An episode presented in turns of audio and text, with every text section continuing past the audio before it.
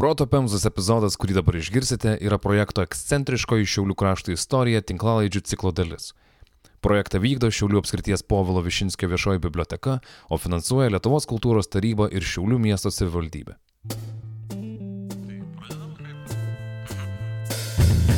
Kraujas, ugnis, brutalizacija, pasaulio paslaptys. Čia proto pemza. Tomai, ar tu prašy popieriaus, kad tu turi sąsiuvinį? Ne, čia yra kalendorius. Jis nėra nesąmonėm, jis yra... God, sorry, Aivarai, bet uh, tiesiog. Kas inrašyta in kalendorių turi įvykti. Aš negaliu rašyti bet ko už tai, kad... Aš matau visiškai vykdyt. tuščią dieną vakar, kur galėjai rašyti puikiai, tarsi visiškai nieko nėra ten. Jisai paskui retroaktyviai susigadins savo vakarykštę dieną, tu čia irgi ne, ne, negadyk žmogui gyvenimą. Nesu matęs tokio vairo. Nieko vėliau aš tau gražyšiu. Aš jūs kolojus. Du popieriaus lapus. Jis tavo, jis tavo atplėš vakarykštės dienos lapą ir atiduos. Negalima vakarykščių, nes iš kalendorius. O tu jam irgi iš kalendoriaus išplėšiai gal? Ne, ne, ne, Ai, iš kalendoriaus. Koks barbaras plėštų iš kalendorius labai. Sveiki, gerbėmieji ir gerbiamosios, įsijungia estradinės diskusijos audio serialą Proto Pemza. Wow. Mhm. Su jumis 44 kartą iš studijos Vilniuje valandėlį bendrumo sveikinasi rudiniško optimizmo pilnas kabinetas. Iš karto nuo melo pradėjai, žinai. Sarkastiškos tiesos. Mhm. Tarp žemyninių reikalų ministras ir steikų somelie Aivaras. Labas vakaras. O, kaip seniai negirdėtas lietuviškas pasisveikinimas iš, iš šitos pusės. Tarp planetinių reikalų konsulas geriau nežinomas kaip pulkininkas Punskas Tomas. Ahoj, hoj. Kapitan. Tarptautinių santykių ir politikos mokslo magistrantas Vilius. Analitinė kompozicija. Nerd alert. Pirmas dalykas, kas yra ant vytų, būtų labas. Ir aš, tarp mokyklinių šarado outsideris Povlas. O. Nihau. Rudeninės depresijos išsklaidyti šiandien net nesiuošiame su dar vienu epizodu, kuris bus tamsesnis nei bet kas, kam iki šiol ruošiausi šio podcast'o istorijų. Nu kaip, gali, gali išsklaidyti su dar didesnė depresija, žinai, pamiršti savo ir įsi, įsi, Mhm. įsiveli kitą. Tai... Mhm. Kad pamirštum galvos skausmą, susilaužyk pirštą. Jo, jo, Čia tas jo. pats, kas atskiest alų šnapsu. Atskiest ar praturtint? Mhm. Na, o tai irgi geras pastebėjimas. Ar prisotinti?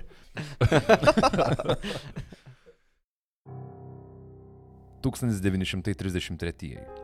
Prieš paskutinę savo gyvenimo žiemą susenęs Vokietijos prezidentas Hindenburgas stebėjo savo šalies sunkę politinę ir ekonominę situaciją. Spaudžiamas patarėjo jis paskyrė naują kanclerį. Žmogų, kuris per ateinančius keliolika metų nuvairuos pasaulį tokį griovį, iš kurio milijonai žmonių taip ir nebeišlips.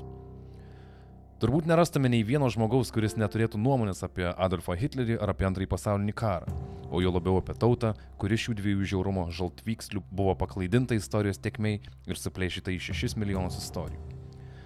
Kaip galbūt jau supratote, šiandien kalbėsime apie žydus ir jų likimą antrojo pasaulinio karo metu. Tačiau susiaurinsime tuos 6 milijonus iki mažesnių skaičių, kurie įvyko arčiau namų. Tai jūsų dėmesiui Šiaulių geto istorija.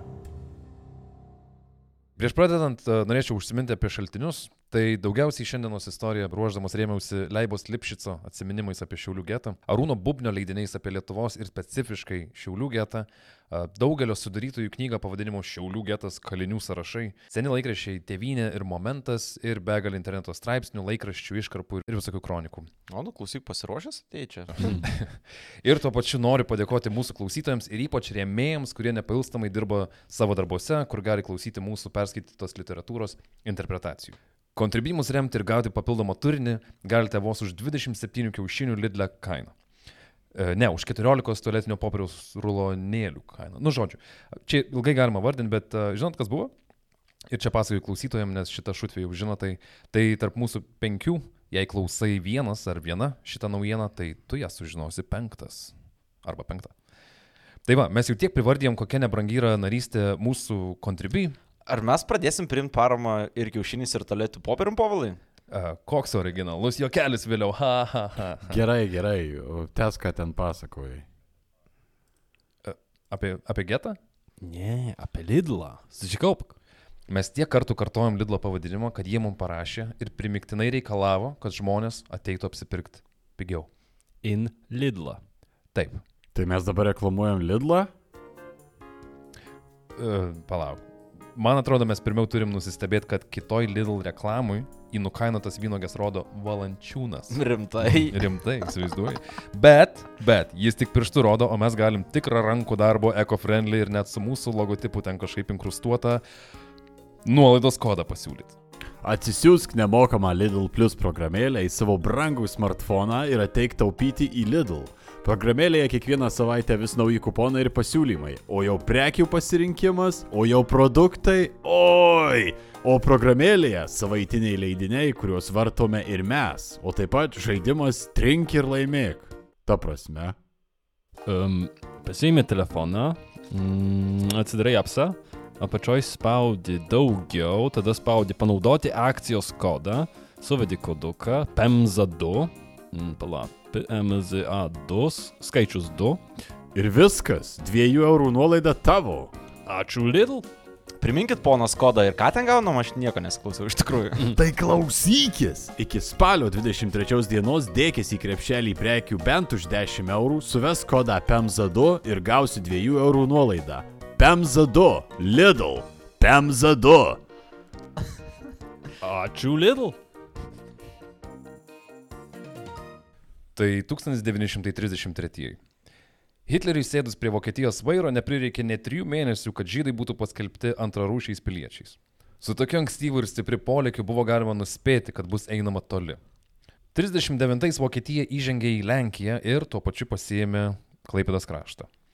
Dėl atėjusio antisemitizmo vargonų gausmo iš šių abiejų teritorijų žydai bėgo kur tyliau - į šiaurę, o tiksliau - į šiaulius.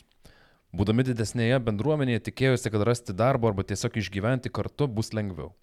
Bet kaip filme Graži moteris sakė Julia Roberts, didelė klaida - didžiulė. Sovietų okupacija 40 birželį su savimi atsinešė viską, ko iš ideologinio pavėsio ir tikėtumėsi. Daug šiaulių žydų verslų raudonoji valdžia nacionalizavo, buvo suiminėjami didesnės politinės ar piniginės prabos žydai, o bent keli šimtai per trumpą laiką buvo spėta išsiųsti į Sibirą. Mm. Sovietams mieste išbuvus beveik lygiai metus, 1941 m. birželio 20 d. vokišką klop, klop išgirdę šiauliečiai tikėjosi permainų. Kalbant apie vis besikeičiančias šalis ir permainas, nusprendžiau, kad aš nesu saugus internete. Nes mes aną epizodą darėm reklamą apie, apie ką mes darėm, apie Zenitech. Ir man pradėjo eiti skelbimai apie juos. Ir kartais pamatau, aha, ir kartais pamatau reklamų internete, kur kaip ir nenoriu suprasti, kodėl aš esu tikslinė auditorija. Aš nekalbu ten apie kažką nešvankaus, bet pavyzdžiui, neseniai suggested postas buvo Pinskovinė uh, nuotrauka su kažkokiu vaiku. O kur reikia nuklysti polą, kad tokius dalykus tau siūlytų Facebook'e? Aš nežinau. A, štai aš žinau. tai mes pradėsim tą epizodą šiandien ir kalbėsim apie Pinskuvienės postus. Mm. Tai palauk, tuoj polas atsimins, kad VPN turi, kad NordVPN. Tada tu Aivar išvardinsi, kokiu funkcijų jis turi, tada Tomas susimastys, kad ir jam reikia VPN, nes nenori gadinti krikščioniškumo statistikos Lenkijoje, o to turbūt gausim kažkokį kodą arba linką, ne? Palauk, taigi aš turiu, ašgi turiu NordVPN. NordVPN? NordVPN siūlo topinį internetinio saugumo produktą rinkoje. Su NordVPN programėle per kelias sekundės galėsi paslėpti savo veiklą internete, saugiai naršyti ir keistis failais.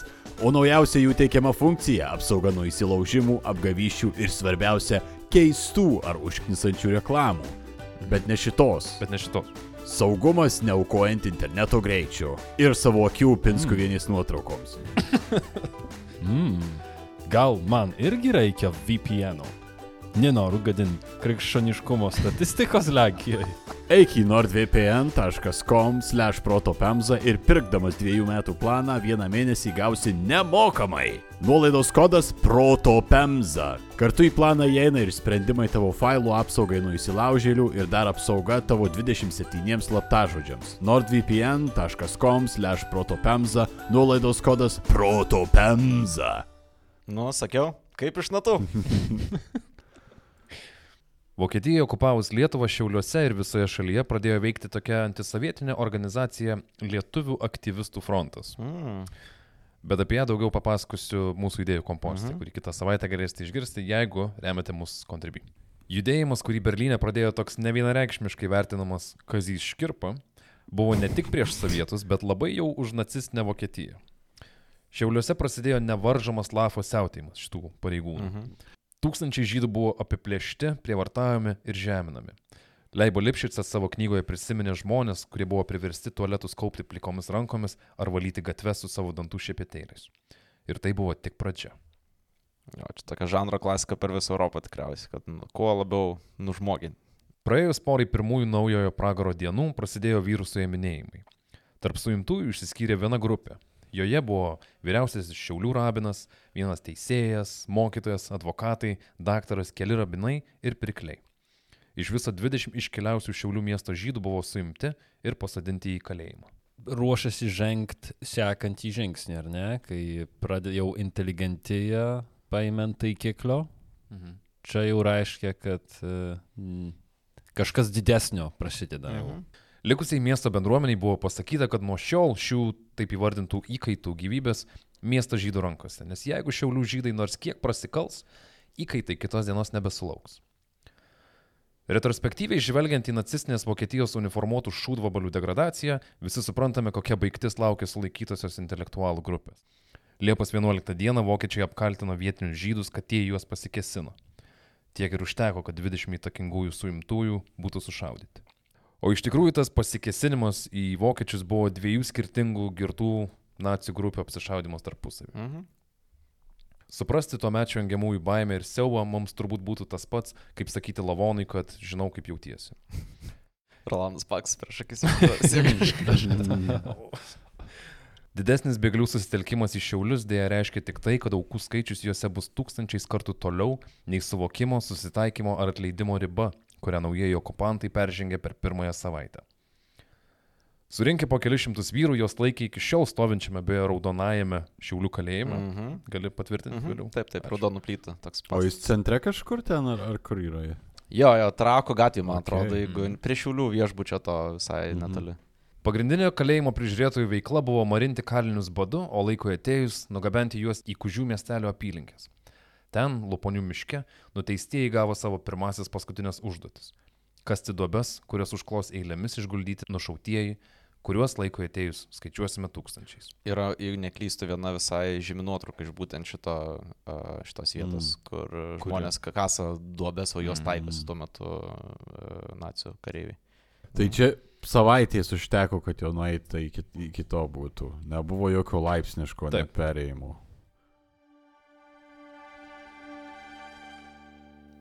Aš ir kiti stovėjome netoli duobės. Mums atvesdavo po dešimt žydų, o mes juos statėme ant duobės kranto, veidais į duobę ir šaudėme. Du žmonės vienu metu šaudė į pasmerktai. Vienas į nugarą, kitas į galvą. Per dieną sušaudėme apie 300 žydų.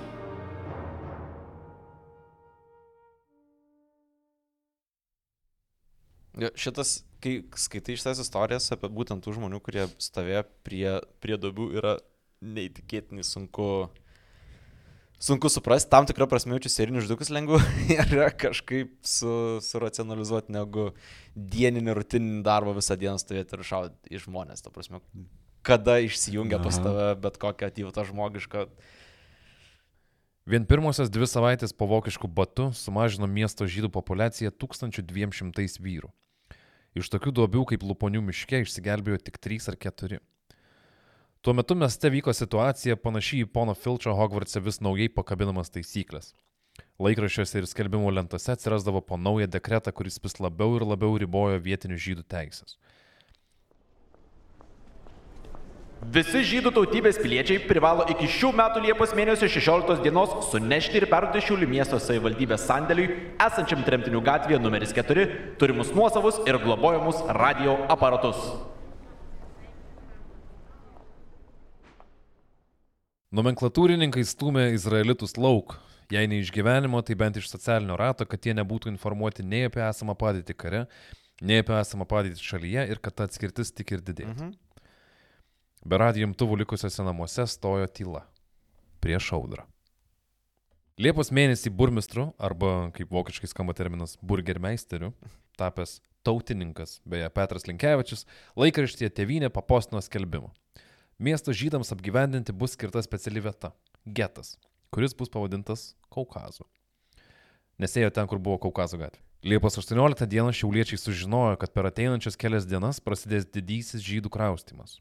Kai kurie buvo perkraustyti iškart ir įdarbinti geto sienų statymą. Ir dar įdarbina tave pasistatyti savo pačiam kalėjimą realiai. Tai Taip.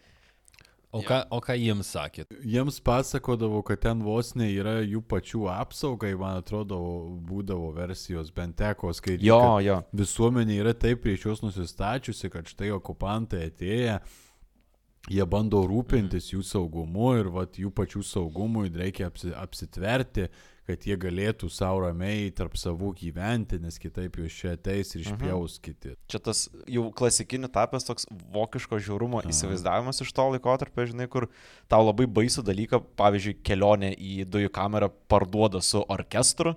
Tai čia kažkas panašaus, kur to sako, ne, ne, ne, čia bus tik saugiau, jūs ir darbo turėsit, nes mesgi žmonių nežudytume, ta prasme, niekada nu, visiškai nesąmonė, mums reikia dirbančių žmonių, mm. kad galėtų, nežinau, aprūpinti ir karo pramonę, ir, ir miesto aprūpinti, tik jūs būkit, gyvenkit savose kultūrose toliau vieni nuo kitų. Mhm. Buvo įkurta žydų bendruomenės atstovų grupė, vadinama Juden ratu. Ji turėjo nuolatinį ryšį su vietinio okupantų valdžia. Taryba turėjo pirmininką ir septynis narius, kurių funkcija buvo bendrauti su geto tarybų nariais, o šie jau žinias perduotų atskirų getų gyventojams. Judenrato nariai tuoj turės savo pirmąjį išbandymą. Burmistras Linkevičius ir jo pavaduotojas Antanas Stankus, kuris dar sužibės šiame epizode, prisiminkit jį, Mhm. patikimi atrodė tiek pat, kiek kalėdinė šaltiena birželio mėnesį. Aš juos įsivaizduoju kaip uh, Dick Dastardly ir Muttley mm. iš uh, Wacky Races. Atsimenat? Aha, taip, Tai vad ganai Dick Dastardly. Kuris iš jų šuo yra? Tai uh, stankus. Todėl Judenrato nariai nepasitikėjo jų sprendimu visus į Kaukazą netilpusius žydus perkelti į Žagarės getą. Nuo Šiaulių apie 60 km nutolusiame Žagarės miestelėje žmonės buvo šaudomi be teismų, be priežasties, o kartais tiesiog per išgirtuvės. Mm. Kad šiauliečiai nesulauktų tokio likimo, buvo išprašyta, kad šalia Kaukazo atsirastų dar vienas ežerų ir trakų gatvių sankirtoje būsantis to paties pavadinimo rajonas. Šiaulių getas pradėjo įgauti formą. Irgi Kaukazų pavadino. Ne, pavadino ežero ir Okay. trakų. Ežero Okay. trakų getas ir Kaukazų. Tai Kaukazo gatvė ir ežero trakų Okay. sankirta. Ten čia vis, visos tos gatvės, kur tu ką tik išvarnai, jeigu aš vėlgi teisingai atsimenu, tai na, viskas labai, labai šalia, tik tiek, kad Taip. šiuo metu visa aplinka yra taip stipriai pasikeitusi, kad e, labai sunku įsivaizduoti, kad tuo metu tai galėjo būti, žinai, ne gyvenamų namų kvartalas, o getas, ne? Tas Mhm. visiškai netekęs yra savo to tuo metinio vaizdo. Žydai į getą buvo keliami tokiu principu, kad ten gaudavo būstą panašios vertės kaip jų buvęs kitoje miesto vietoje. Bet greitai nebeužteko tokių dalybų ir abu rajonai buvo užkimšti po beveik 3000 gyventojų. Kaip prisimena Leibo Lipšicas. Buvau priblokštas neapsakomos spūsties. Žmonės bandė įsikurti net daržuose. Įsisprausdavo į daržinaitės, kažką šiltino, tvėrė, užkimšinėjo plyšius. Vis geriau nei kužių duobės. Jau sklindo gandai apie baisius įvykius. Sunaikins ar ne? Visi gyveno kaip kokie kiškiai, iš bet kurios pusės laukdami pavojaus. Jo, tai e, gyvenai prieš tai gal mūriniam name kur nors e, miesto centre, nes žydai daugiausia gyvena na, šiulių senamesti vietose ir staiga tu daržiniai gyveni. Čia yra tikriausiai tragedija visoje Lietuvoje bus, kad e, tuo metu, kai vyksta tas ar persikrausimas, ar vyksta kažkoks uh, turto kabutėse perdalinimas, tai vietiniai lietuviai dažnai na, gauna geresnę poziciją, ne? gauna dalykų, kurių gal neturėjo, dalykų gal kurių pavydėjo ir e, kai kalbam irgi apie užmerkimą akių, tai žinai, tuos žmonės, kuriems skauda, uždaro už sienų, kur tu jų nebematai, o staiga žiūrėk ir chatą didesnį turi ir rūbą kokį, kur neturėjai, gal turi. Getuose buvo įsteigtos mokyklos, patruliavo pačių žydų policija, bet į būtus ir kambarius būdavo apgyvendinama ir po keliolika žmonių. Sąlygos buvo tragiškos, bet ironiškai vietos daugėjo kas savaitę. Ir vis tiek Kaukazo ir ežero trakų getams plyštant per siules, Judenrato nariai nuskubėjo pas Šiaulių valdžią. Paprašęs įsteigti trečiąjį getą, burmistras ir jo Igoris sutiko ir tam pažadėjo skirti Kalniuko rajoną. Tik čia tūnojo viena klastinga sąlyga. Burgermeistras Linkevičius norėjo, kad prieš žydus apgyvendinant Kalniuko rajone jie būtų laikinai perkelti į kelias miesto sinagogas ir senelių namus. Įgaliotiniai neturėjo priežasties nesutikti. Tačiau tranzitiniuose pastatuose įkurdinti žydai iš jų buvo vežami ne į naująjį getą, o į karo nusikaltimais jau nuklotą Luponių mišką prie Kužių miestelių. Ir ši vežiojimo operacija vyko visą mėnesį. Kalniuko getas taip ir nebuvo įkurtas. Nu, irgi gana tas uh, modus operandi nacijų buvo. Bjauru yra, tai, nu, ta prasme, labai bjauru iš tai, bet tai yra uh, minios valdymas tiesiog. Nu, Jo. Jeigu, praneši, kad nužudysi, tai daug desnė tikimybė, kad kas nors pagos, kad nebeturi ką prarasti ir gali bandyti sukilti ar kažką daryti. Segregacija biurokratinėme aparate turėjo spalvas. Getams tik įsikūrus gyventojai gavo mėlynus pasus. Jų negavo tik į Kalniuko getą turėję persikelti žydai. Jei mėlynas pasas reiškia, kad nebūsi nušautas geto viduje, tai vėliau kai kurių gyventojų gauti papildomi rausvi pažymėjimai reiškia, kad nebūsi nušautas ir už geto ribų. Čia gal jau tas laikotarpis, kur tuos uh, rūžavos, kaip sakei, uh, pasus turinti žmonės buvo tam tikrų reikalingų profesijų darbininkai, nes irgi buvo tas momentas, kur kare, kai vokiečiai pradėjo strikt, pradėjo reikėti daugiau um, rūbų, įrankių ir visokių kitų dalykų, kuriuos reikėtų siūsti frontą ir staiga atsiminė, kad o, mes turim getus su pusė miesto specialistų realiai, kurie, kurie buvo ir tada būtent prasidėjo skirtingi pasai, kur gali išsintinėti žmonės į na, kažkokias tai gamiklėlės vietinės. Tačiau getams užsidarinėjant rugsėjo mėnesį buvo išdalinti geltoni pasai. Paskirimų punkte vokiškai rankai neištiesus pažymėjimo nujautai arba jau žinojai, kad greitai susitiksi su Kalniuko geto gyventojais. Bet iš kur gauti dokumentą, jei vokiečiai tą jo nedavė? Ką daryti? Pasidirbti! Geltonasis pasas geto gyventojai buvo kaip insulinas diabetikui po cukraus vatos. Laiko dar yra, bet kuo greičiau jį gausi, tuo geriau tavo gyvybei. Vieno iš suėmimų metu gyventojai rado būdų pasislėpti. Tokiu būdu ne visi, kurie buvo pasmerkti sušaudimui, paliko getą. Buvo ir tokių, kurie, bet vienetai, buvo ir tokių, kurie išgyveno ir slapta sugrįžo iš Luponių miško ir papasakojo, kas nutinka išrašytiesiems iš geto. Tai nerealu, kad jie vis tiek grįžo į getą. Mhm. O ant, ant tiek disparacija, kaip stipriai neturi kur eiti, kad mm. grįžti ten atgal. E, fuck. Išgyvenimo instinktas juos pavertė nelegalais geto teritorijoje. Bet geltonas pasas viską pakeistų. Gyventojams žydams draudžiama naudoti šaligatviais, visomis pasivaikščiojimo bei polisio vietomis ir viešaisiais parkais bei skverais. Taip pat jiems draudžiama naudotis viešose vietose įstatytais suolais.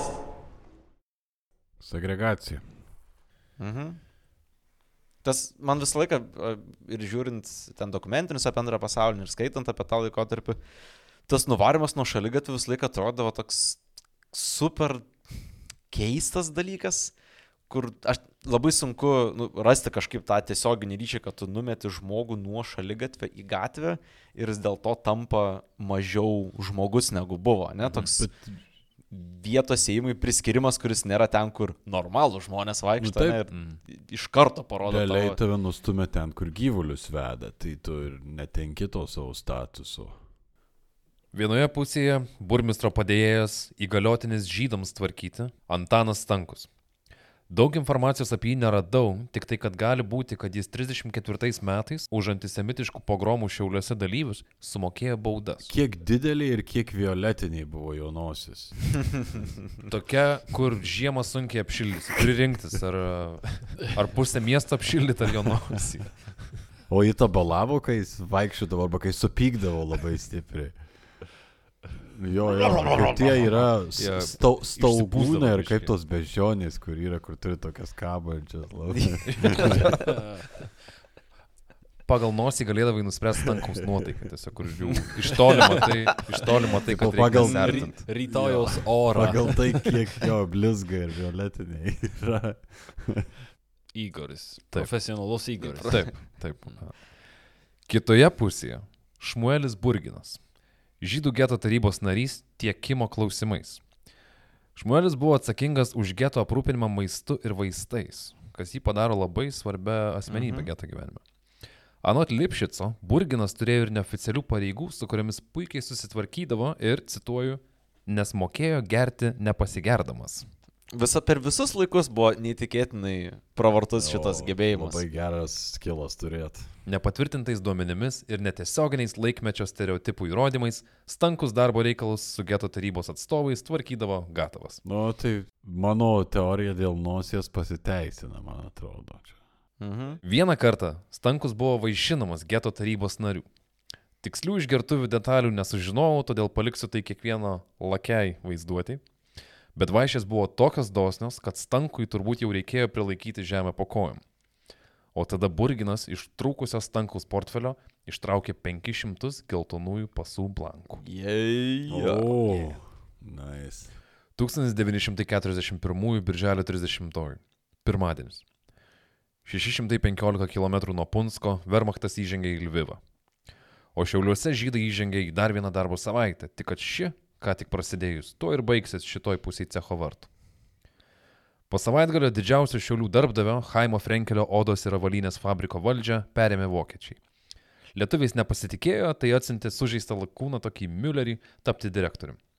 Fabrikas su lietuviais darbininkais, kas skambės keistai mūsų emigrantams klausytojams, dirbo praščiau nei bet kada.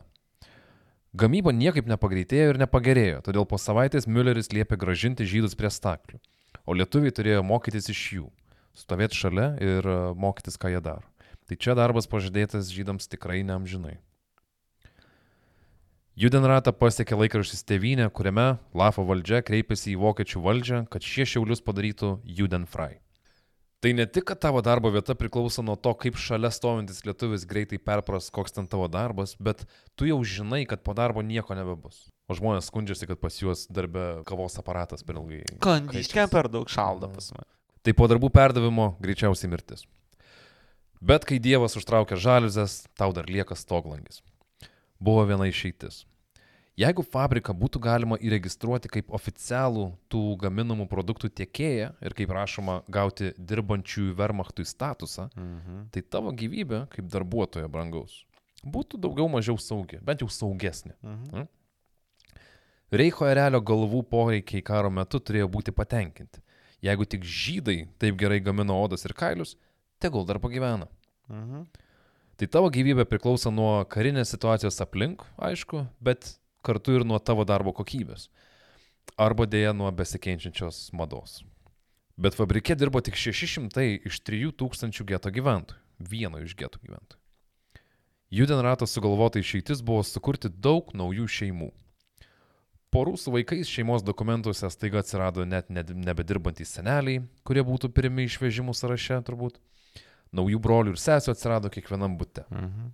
Surašymas parodė, kad 600 geto darbininkų šeimų vidutiniškai prie stalo sėsdavo penkiese. Tai tokie 600 mažų Šindlerio sąrašų. Mhm. Jo, bet man va šitas visada buvo dėl judenratų pačių, kad jie tokie, aišku, ten, kaip suprantu, visokiausių žmonių būdavo ir juose, bet toks tarp kūjo ir priekalo atsiradimas, kur tu turi žaisti nuolatos ant labai plonos ribos, bandydamas ir kažkaip įtikti tą esančią okupantų valdžiai, kuri literaliai, kažkaip suprantu, ten jie gana ir neblogai nujausdavo, kad nori viską likviduoti ir eksterminuoti, bet tuo pačiu pat metu kažkaip bandyti išsaugoti tas visas gyvybės. Čia yra, nu, a, taip, toks nedė, tokia nedėkinga dalia, kad, nu, kartais atrodo, kad lengvo žmonės... pasirinkimo. Jo, jo, kad tie žmonės stebuklus turėdavo tiesiog daryti diena iš dienos.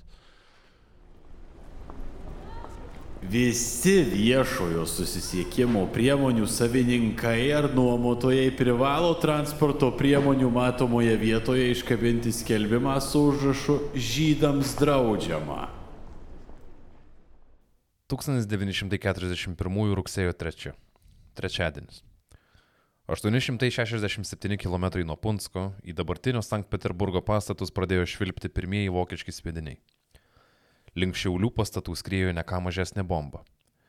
Automobilyje iš Kauno sėdėjo Obersturmführeris vyr leitenantas Joachimas Hamanas. Į kelionę jis leidusi pulkininko, savo vadovo Jėgerio paliepimu. Joachimas Hamanas vežė žinutę. Kokią žinutę jums padės atsakyti penki greiti faktai apie Hamaną? Pirma. Hamanas buvo Roll komando Haman, dar žinomo kaip Hamano skrajojantis būrys, team lyderis. Su savo skrajojančiu būriu jis veikia visoje Lietuvoje. Čia antras. Trečia. Su lietuviško tautinio darbo apsaugos bataliono skrajojantis būrys nužudimų skaičiumi pasiekė 40, o kai kur rašoma, kad turbūt net 70 tūkstančių žydų. Darbo grupė, kuri planuodavo, organizuodavo ir facilituodavo šaudimus. Faktas numeris 4. Šita darbo grupė tai padarė per mažiau nei 3 mėnesius. Ir paskutinis faktas, šitą darbo grupę sudarė 10 žmonių. Tu kai sakai 70 tūkstančių per 3 mėnesius, tai čia pa pakalkuliavau po 777 per dieną. Kiekvieną dieną. Per parą, atsiprašau, ne Taip, per per dieną, per parą. O jiems visiems vadovavo 28-erių Joachimas Hamanas, kuris buvo pakeliui į Šiaulių getą. Vežama žinutė buvo klasikinė. Getas likviduotinas. Čia 41 metų rugsėjas. Okay. Rugsėjo 3. Taip. Tačiau su tuo nesutiko į Remigijų Atšą panašus Šiaulių apygardos komisaras Hansas Gevekė. Gebits komisaras Gevekė Hamonui pasakė, kad žydų darbo kailiukai labai mėgstami tarp pakilimo išgyvenančių Trečiojo Reicho pareigūnų. Galbūt saugodamas savo patogią darbo vietą, gal ir ne, Gevekė nuteikė Hamoną, kad getas reikalingas. Po ilgų dėrybų rezultatyviausios šalies žmonių naikinimo komandos CEO išmynė į Kauną nepatenkintas ir piktas. Ta vakarą 600 šeimų ir toliau prie stalo sėdo vidutiniškai penkiese. Bent jau vienam getė, aišku, abu du getai išgyveno šitą ap- Hamono apsilankymą. Per plauką nuo mirties. Visi žydai ant kairiosios pusės nešio Dovido žvaigždę, geltonos spalvos 10 cm diametro. Ženklus pasigamina savo lėšomis patys žydai. Ale koks šikniaus manevras, ne? Tu dar atskiri žmonės, juos ženklini ir dar liepi patiems pasidaryti visus ženklus tuos. Fucking pieces Yep, of shit. Visiškai sutampa su ta, žinai, po, politika, kad uh, yra, na, išnaudotini žmonės iki galo. Ne? Jeigu tu, tavo planas juos nudirbti iki maksimumo, tai pats ir pasidarys tada viską, ką reikia. Bet jo, 1941 rugsėjo 8 abiejų getų vartai buvo galutinai uždaryti. Niekas neįeina ir neišeina be specialių leidimų. Žydiškas gyvenimas nuo šiol vyksta tik už neperlipamų sienų. Nesuvokiamoje dabartyje pakeliui į neaiškę ateitį. Užplombavus abu getus įvyko dar vienas filtravimas. Vieną dieną netinkami darbui, todėl pagal okupacinę logiką netinkami ir gyvenimui, buvo atrinkti šimtas žmonių. Kitą dieną dar 300. Tokio proceso nebegalima vadinti žudimu, nes tai yra tiesiog naikinimas. Iš 1961 laikraščio komunizmo žvaigždė straipsnio. Iš duobės pasigirdo duslus balsas. Pakilo į viršų krūvina ranka. Driokstelėjo šūvis ir kraujuota ranka nusviro. Vėl skambėjo stiklinės. Galvažodžiai linkėjo vieni kitiems sveikatos.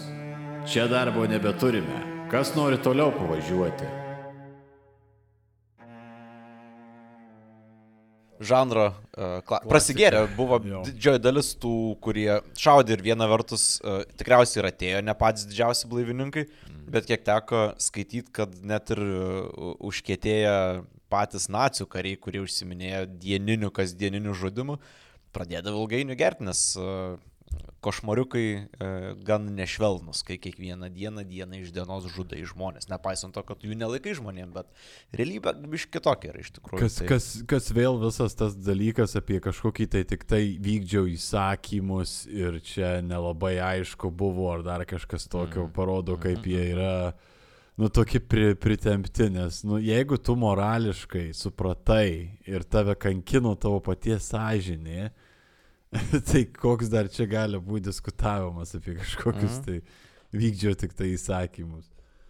Kartu su tuo yra ir tikriausiai visi esam bent jau pusę ausų girdėję istorijas apie uh, asmenis, kurie mėgudavo šito procesu, kuriems taip. patiko žudyti. Ir Taip. čia, žinai, irgi turint omeny mūsų ankstesnius epizodus apie visokius serijinius žudikus, tai kur va tokį padugnę įkiši į šitą rolę labai labai žiūriu laikotarpiu ir leidi jam tiesiog pasileisti maksimaliai plaukus ir jį atlyginimu šitai, tai tampa skatinama elgesiu, nėra jokių absoliučiai stabdžių.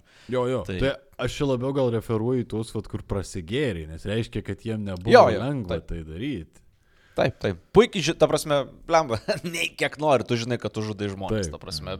Jie šneka, jie turi jausmus, verkia, šaukia ir Gal yra tavo kaimynai kada nors buvę dar prie viso šito. Tai iš kur. Jūs Vėlgi irgi įdomu, šiaip ne, nežinau kaip su Šiaulių getu tiksl, tiksliai, bet tiek Kaune, tiek Vilniui, tiek ir Lenkijoje getuose labai populiaru buvo tas uh, žudimo palidovas, tai apiplėšimai tų žmonių, kuriuos, Visiškai. uh, kuriuos žudai.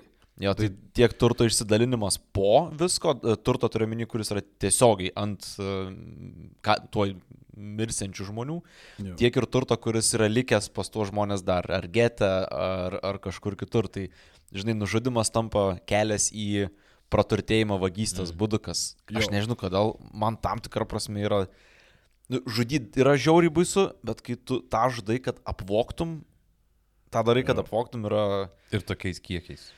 Kitas, nu, aš, I don't know, nežinau, kiek tau turi rūpėti kailiniai ar daiktai, kad Nu, čia būtų Berots Moldovos teritorijoje ir Rumunijoje tai netgi tai būdavo vienas pagrindinių motivatorių, kad tu ateisi ir galėsi susirinkti, ką tau reikia. Tai... Garsiai Aušvico vartų frazę turbūt reikėtų perfrazuoti. Arbeit macht lebendig. Darbas tave daro gyvų. Šiaulių ir jų apylinkų gyventojams žydams nedarbingumas reiškia išsilaisvinimą iš katargos, kuri kaip avėdras suko ratus aplink ir niekur nesiruošė trauktis. Bet dirbti norėjo visi. Viena iš darbo vietų buvo Zoknių aerodromas, kurio pirmasis viršininkas, beje, buvo legendinis tarpukario lakūnas Leonardas Peseckas. Aišku, kad rasi Paulai, kaip tai. Tai aišku. Faktą apie... Leonsė ir čia išlenda. Tai a, jeigu norėsite daugiau sužinoti apie Leonardą Pesecką ir apie jo nepakartojimus nuotykius ore, galite a, visą tai išgirsti proto Pemzos plininių kiaušų epizode numeris 8. Ko, jo, visai, visai gali prireikti po šitos tamsos. Jo. A. Išsiplaut paletę skonio. Zokniuose dirbdavo iki 600 žydų. Ten vietoje įkurtuose barakuose ir gyveno. Dar apie 500 radviliškių ir pavenčių durpynuose dirbo. Skirtingos vietos su nevienoda maisto davinių kokybė, darbo krūviu ir gyvenimo sąlygomis. Labiausiai nepasisekė sezoninius darbus dirbusiems žydams, kurie po darbo pabaigos termino buvo tiesiog nušauti. Kai kurie ne. Bet taip ir gyvenk baimiai. O bijoti buvo ko? Vokiečių žiaurumas buvo nevaldomas, o jį baisesniu darė ir tai, kad jis buvo nenuspėjamas. Vietinių veikėjų įsitraukimas gali net gluminti, atrodo, kad skaitytum apie dvi Lietuvas. Išsigelbėti žydams padėję ar bandę herojai turėjo veikti slapta, rizikuodami savo pačių gyvybę. Klebonas, kuris meluoja, ar ūkininkas, kuris neišsiduoda. Visi sunkiausiamis sąlygomis ir didžiausių pavojomis tengiasi dėl kitų. O savanoriai, kurių Hamanas krajojančiam būriui savo akcijų metu niekada netrūko, atrodė neturintys nei asmeninių ribų, nei žiaurumui paraštės galinčių nubrėžti vokiečių draudimo. Kas ką nori, tas tą šauna. Kuo toliau, tuo mažiau priežasčių reikėjo. Kodėl nušaus? Nes suimtas. Kodėl suimtas? Nes norėjo nušauti. Apie vieną tokį šūdžių perskaičiau nuo jo pabėgusios moters prisiminimuose. Savisaugos dalinio kareivių vadas Romualdas Kolokša, buvęs advokatas persikvalifikavęs į aukšto kalibro žiaurumo nusmurgėlį. Kaip prisimena Mirjam Marija Jafnaitė. Ties šaukenais buržuaziniai nacionalistai atvarė apie 15 sugaudytų žydų. Kolokša apibrėžė žemėje ratą ir liepė jiems sugulti. Nesuprantantiems paaiškino, Gulkite taip, kad ramūnė išeitų. žmonės sugulė. Iš tikrųjų gavosi kažkas panašaus į ramunę. Tada Kolokša pasilipo mašinos ir ėmė šaudyti gulinčius. Jo žaidimas stebėjusiems draugams Kolokša paaiškino. Na vyrai, pralošite 5 litrus degtinės. Aš įrodžiau, kad ramūnė gali žydėti raudonai.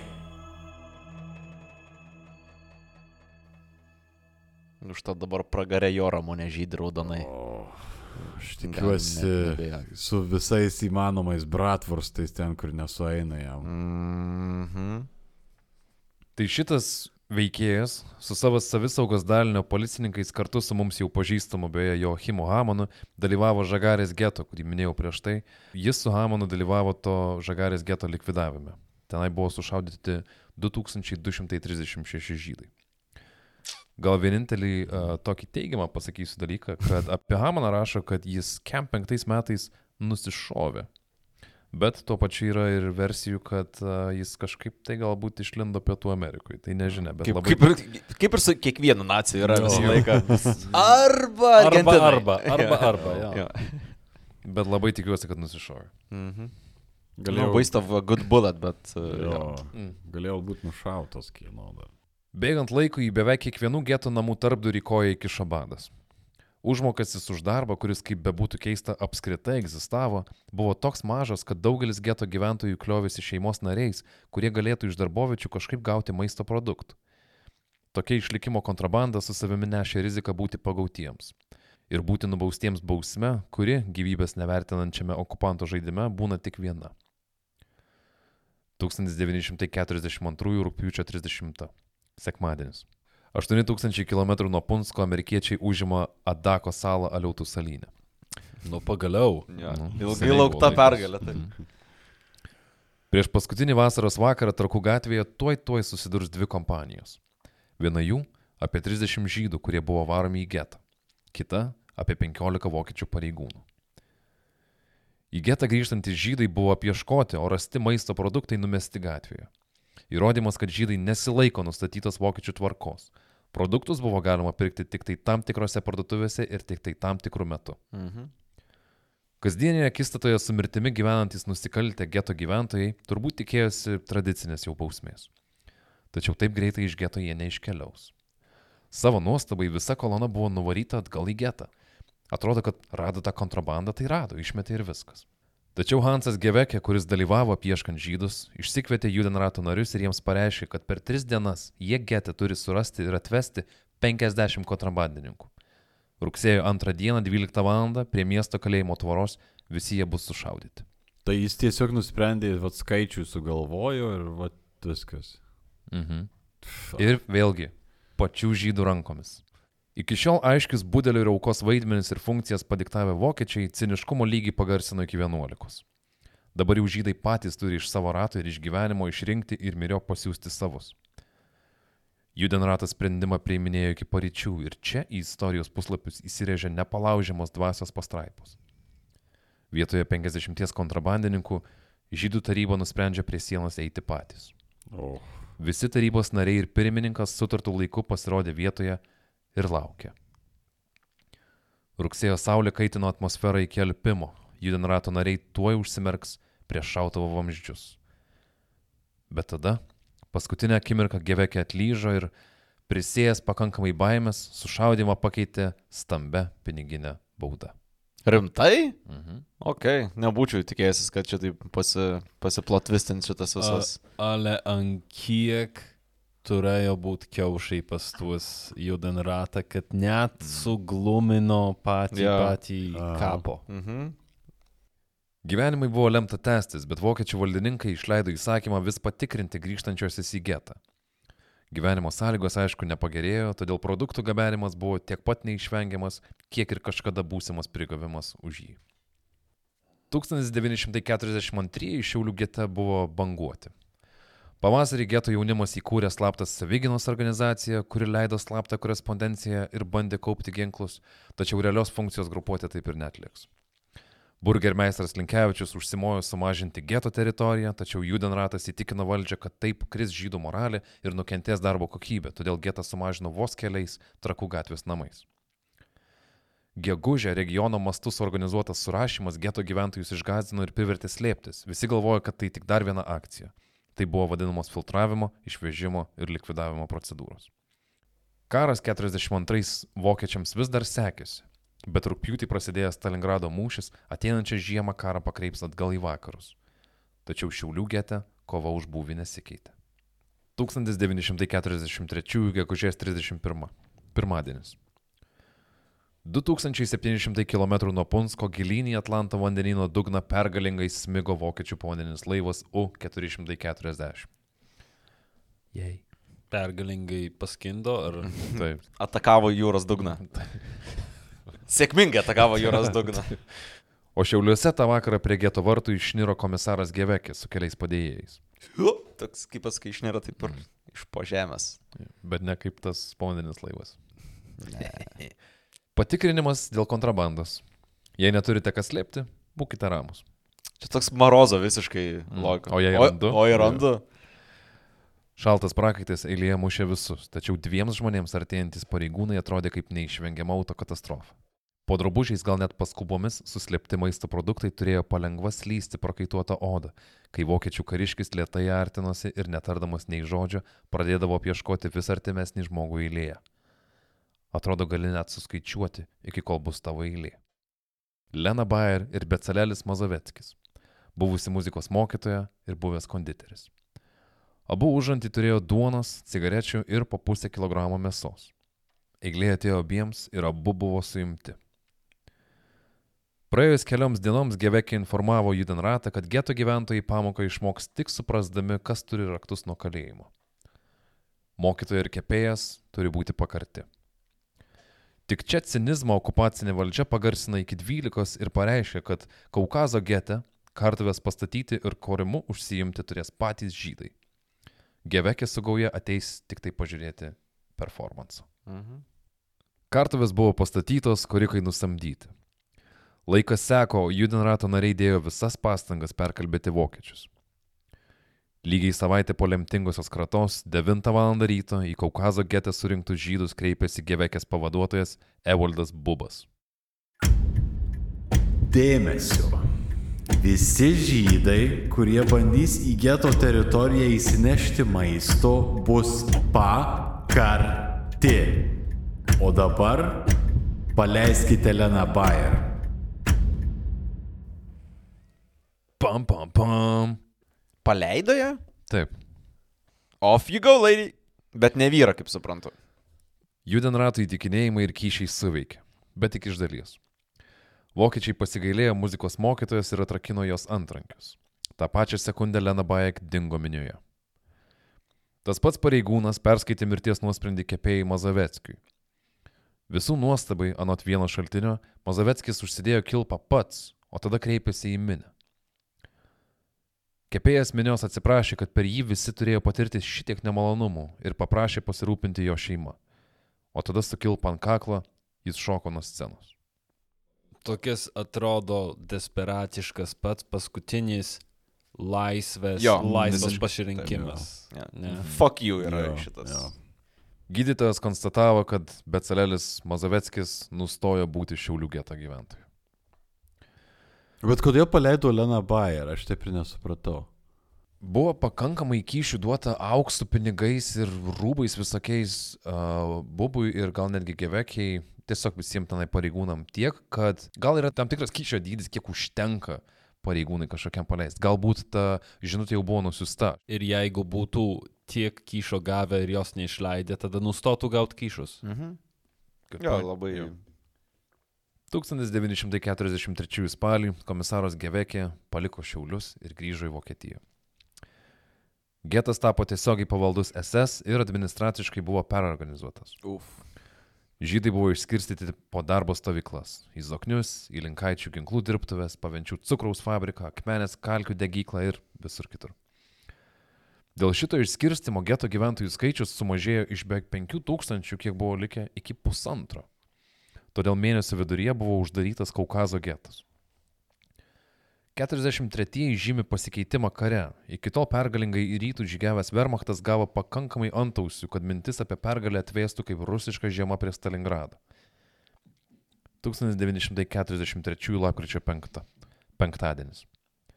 Į Šiaulių getą atvyksta Kauno SS pareigūnai su pagalba. Pradedama dar viena akcija, bet šį kartą renkami vaikai ir nedarbingi žydai. Vaikai tiesioginė to žodžio prasme buvo sumėtyti į sunkvežimius. Judenratui buvo pasakyta, kad visi surinktieji bus nuvežti į darželį Kaune ir ten jais bus pasirūpinta. Mhm. Mhm. Į sunkvežimus paskutinę sekundę iššoko keli judenrato nariai ir vaikų daktaras. Tadien buvo atrinkti 570 vaikų ir 260 senelių. Iš darbų grįžę tėvai neberado savo vaikų ir net nenumanė, kur nacijai juos išvežė. O išvežti jie greičiausiai buvo į koncentracijos stovyklą Vokietijoje, turbūt į Aušvicą. Pavykusiems išgyventi getą iki 1944 pavasario atsirado žinių, bet nežinia ar gerų. Fronto linija artėja, vokiečiai susimovė, sovietai artinasi link Šiaulių. Liepos 8-ąją geto komendantas Šliofas praneša, kad šiandien dirbti nereikės. Getas likviduojamas. Gete kyla panika, keli šimtai žydų sugebėjo net prasiveršti pro geto vartus ir pradėti bėgti. Bėgti tolyn. Mhm. Bet akivaizdu, kad visi suprato, kad e, darbo pabaiga ir geto likvidacija reiškia, kad e, gyvybės pabaiga yra. Taip. Ne tai, kad tą geografinį vienetą išmontuosim ir šitas Mhm. sienas išrinksim, bet tiesiog likviduosim. Jūs esat getas, Mhm. Mm. o ne tos sienos. Per kelias dienas iš Šiaulių geležinkelio stoties išgabenti beveik 5000 iš Šiaulių ir aplinkinių miestų getų žydų. Liepos 21 naktį sovietai priartėjo prie Šiaulių ir apibėrė juos bombomis, kurios krito ir ant geto. Skausmo Sielvarto ir mirties rajoną kitą dieną pėsčiomis paliko dar 1500 žydų. Jie ėjo beveik 30 km iki geležinkelio stoties, iš kur kartu su kitais daugiausiai buvo išsiųsti į Študhofo koncentracijos stovyklą. Šiaulių geto istorijai pasibaigus, jos gyventojų istorija dėja nesibaigė. Nuo 1941 vasaros iki 1944 vasaros prastovėjęs Šiaulių getas sužlugdė tūkstančius gyvenimų ir į krašto istoriją įsiražė juodu randu. Tamsus istorijos etapas išnaikinta tauta ir viskas įvyko čia pat, kur gyvename toliau. Holokausto kaip pamokos pasauliui atrodo galėjo ir nereikėti, bet net šiandien matome, kad pamoka nebuvo išmokta. Iš 8000 Šiaulių geto žydų gyventojų išgyveno mažiau nei 300. Jei turėsit kas progą, Šiauliuose, ežero ir trakų gatvių kampe yra atminimo akmuo ir paminklas. Vietoje, kur prieš daugiau nei 80 metų stovėjo vartai į getą, kuris vertė jo gyventojus ieškoti būdų išlikti. Jei negyvam, tai bent istorijoje. Mhm. O Kaukazo geto vietoje uh, pavogė atminimo lentelę uh, nepriklausomybės pirmais metais ir niekas nebežino jos atgal. Labai tokia tamsia, čia žinai, tą istoriją rudenį pa pasipasakojom. Ačiū Paulai tau, kad, kad uh, mane apšvieti, nes aš kad ir iš Šiaulių, bet labai mažai iš tikrųjų žinau apie, apie getą Šiaulių, apie žydišką visą praeitį ir tikriausiai šiaip apie Šiaulius netiek daug žinau, kiek, uh, kiek norėčiau. Bet uh, man tas faktas būtent, kad sugebėjo pavokti nuo Kaukazo tos vietos, kur buvo getas atminimo lentelė ir niekas negražina, šiek tiek rodo, kaip kartais mes visoje Lietuvoje tikriausiai atsimenam tą laikotarpį gan atmestinai. Ir kažkaip nevertini, kiek daug uh, dingo tavo miesto šimtus metų buvusios istorijos per realiai keturis metus visus i- išvežė ir išnaikino. Ir uh, jeigu bent vienam iš mūsų klausytojų kils noras pasiskaityti daugiau, tai manau, busim tikrai pasiekę uh, savo tikslą. Na ir, o iš Edvardo būbo visada galima biškai pasidergti. Jo, Mhm. dar žinoma žmogaus kiaušo pavadinimu. Man atrodo, šita diskusija Lietuvoje jau seniai yra.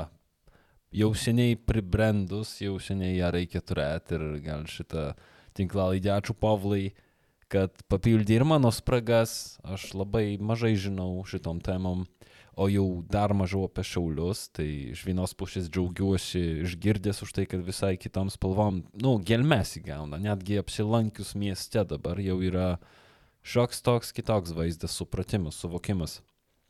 Ir man įdomu, ant kiek šaulių geto istorija yra tipinė geto istorija. Nes jųgi labai daug visoje Europoje buvo sukurtų.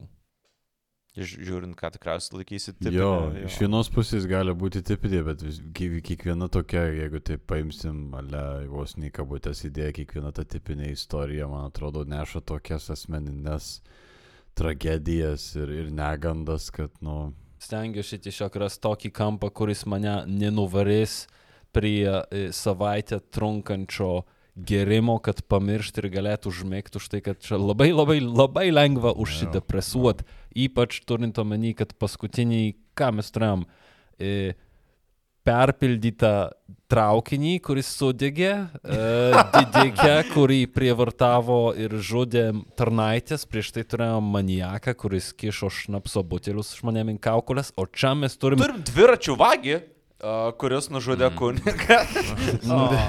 Kaip geriau prasidėjo tas. O čia kiekvienam žingsnį šitoje istorijoje mes turėjom bent po vieną tokį galvažudį. Tai čia buvo dešimtys tokių pičiuškinų šitoj vienoj trumpoj valandoj. Mhm.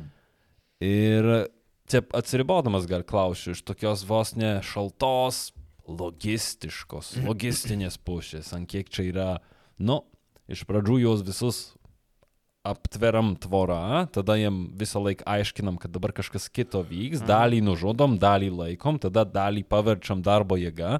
Mhm. Ir tas toks grinai procesas kaip korporacijoje. Nu, šitas tai labai tipinis taip, yra taip, taip. visoje rytų Europoje. Čia tas labai, manau, svarbus aspektas ir dėl to tokios istorijos yra svarbios, kad tai, ką mes vadinam holokaustu, prasidėjo ne kažkur, ne Vokietijoje, ne, mm. ne, ne Vengrijoje, ne, ne Prancūzijoje, o pas mus. Mm. Būtent čia mes esame tokia integrali to tragiško pasakojimo dalis, kad norėtųsi, kad taip nebūtų, ta prasme, bet... E, jo, tamsu. Manau, apie tai vis dar yra per mažai kalbama ir per mažai diskutuojama. O, Ypač, -hmm. nu, da, apie Vilnių jau yra tų, tų kalbų daugiau, ar ne, irgi kai, kai kalbam apie panerius, ar ne. Bet, bet vat apie tai, kas vyko už Vilniaus ribų, kad tų istorijų, nu, kad tai vyko visoje Lietuvoje ir vyko tokia, nu tikrai barbariškais mastais ir barbariškais metodais, yeah. mums apie tai reikia pasikalbėti ir manau, kad mes kalbėdamiesi apie tai, nu, mes pasidarysim stipresni ir, ir geresni turbūt kaip visuomenė mhm. ir kaip, kaip asmenys. Tai, tai, tai jo, ačiū už šitai. Ir šita diskusija nebus lengva, Oi, ir nebus ne, maloni, ne. ir, ir nebus tokia, kad visi šik susitars. Jo, nebus bet... kumbaja momento tikriausiai iš to vietų visą, ne. laiką, visą laiką pyksim. Ačiū, kad paklausėt gal nuotaikos ne pačios geriausios, bet man atrodo, kad tai yra privaloma žinoti. Aš pats apie Šiaulių getą iš vis než, net nežinau, kad ten buvo getas. O kažkas, kas e, anksčiau praeidavo tas vietas, gal rytoj arba poryt, kai eisit pratenai, jeigu gyvenat Šiauliuose, gal biškai kitaip jum ir pats miestas pasirodys. Tai gal viskas. Ačiū šiandien klausysim. Susitiksim po savaitės idėjų kompostą, ten daugiau apie lafą, apie a, kitus veikėjus, kurie čia irgi mm -hmm. truputį įsi, įsipaišė, gal biškiai apie Gebekę dar papasakosim, a, pažiūrėsim, kur tai nueis. Bet a, ačiū, kad klausotės. Jo. A, nepamirškit mum rašyti, nepamirškite... Klausyt, ką šneka Lenkija. Taip. Jo. Ateikit pas mane ant Facebook'o sienos, linkai po epizodų. Taip. Taip.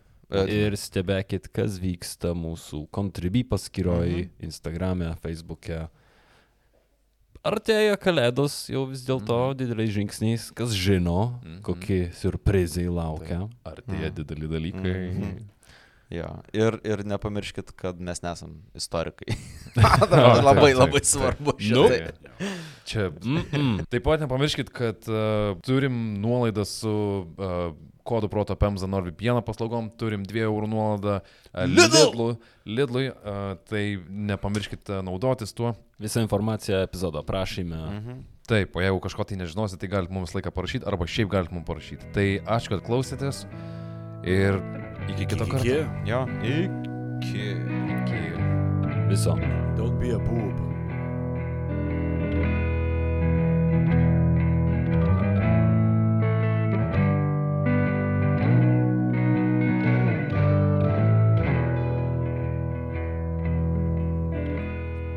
Ką tik perklausai 44 Proto Pemzos epizodą.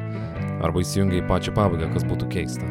Bet kad ir kuris variantas teisingas, tikimės, kad mūsų kvartetas dar neatsibodo ir kad dar nesibaigė giminės, draugai, kaimynai ar kelias sustabdė pareigūnai, kuriems galėtum papasakoti, kad vat yra ten toks podcastas Protopems ir gal sustarsim, kad paklausysit. Kadangi svarbiausia mūsų komandos dalis esat jūs, tai norim padėkoti, kad klausotės, komentuojat, kritikuojat, alaus ateinat atsigert, parašot mums ar tiesiog įsijungiat naują epizodą. Tai didžiausias ačiū Jums nuo mūsų visų. O specialiausias paboldintas ir didesnių šriftų ačiū keliauja mūsų, kaip Aivaras pasakytų, dešimtukinikams. Agniai. Agniai, Agnėjas, Agnietai, Agnutei, Aidai, Ainui, Aistei, Aiščiui, Rūtai, Akviliai, Akviliai, Albinui, Aleksandrui, Almantui, Almantui, Alvitai, Amet Colt, Andriui, Andriui, Andriui, Antanui, Antai, Antropikui, Aretui, Armin, Arminui, Arminui V, Arnui, Arnoldui, Arnoldui M, Artūrui, Artūrui, Artūrui, Artūrei, Arūnui, Arūnui, Arūniai, Arvidui, Astai, Astai, Astai, Astai, Audrai, Audriui, Audriui, Augustai, Aurimui, Auritai, Aušrai, Aušrai, Aušriniai, Aušriniai, Austėjai, Baronui, Barškalui, Benui, Bezakevičiutai, Betonburniai, Brigitai, Bruožiui, Pitskai, Čarliui, Čipuokliui, Dainiui, Daliai, Dan, Darislavui, Dariui, Dariui, Dariui, Dariui M, Dariui M, Dėdai Tomui, Deimantai, Deimantai, Deimantai, Deimantai, kad Dianai, Dianai, Dievo Gurkui, Domantui, Domui, Dominikai, Dominikui, Dominikui S, Domokui, Donatui, Donelaitai, Doviliai, Doviliai, Doviliai, dar vienai Doviliai ir dar vienai Doviliai, Dovydui, uh, daktarui Simui, Džiugui, Džoniui, Elmanzemon, puikiai ar skaičiau, Edinui, Editai, Editai, Edvardui, Edvinui ir dar kartą Edvinui ir Egliai, Egliai, Egliai, Egliai, Egliai, Egliai, Eimantui, Eirimai, Elijui, Eimantui, Emantui, sorry.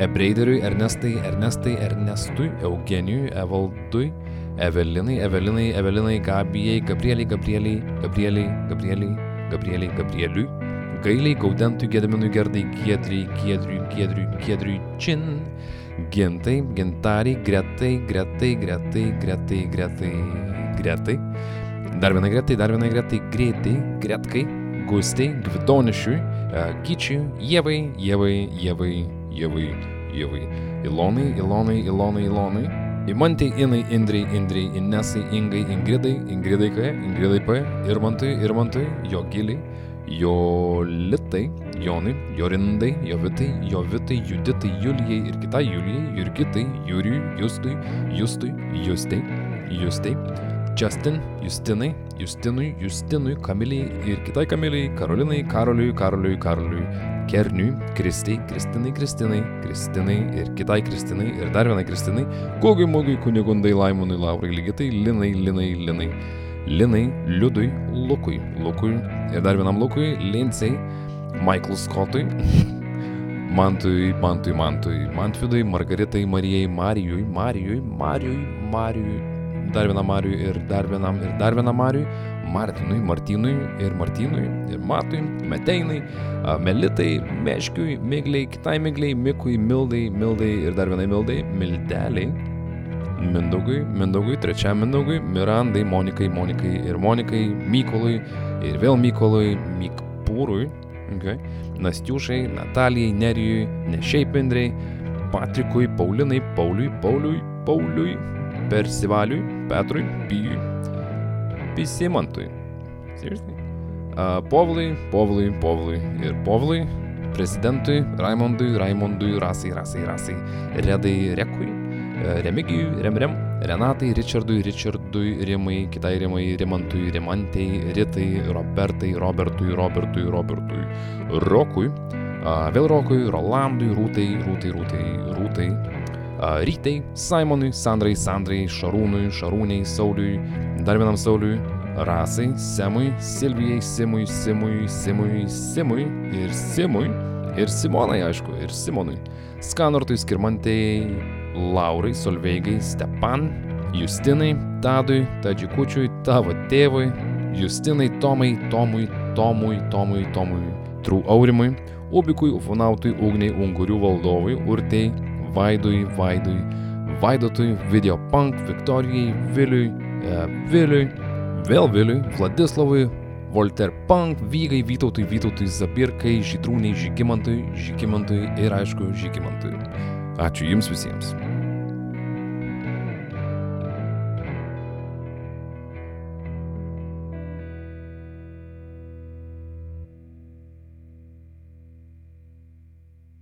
Don't be a boob.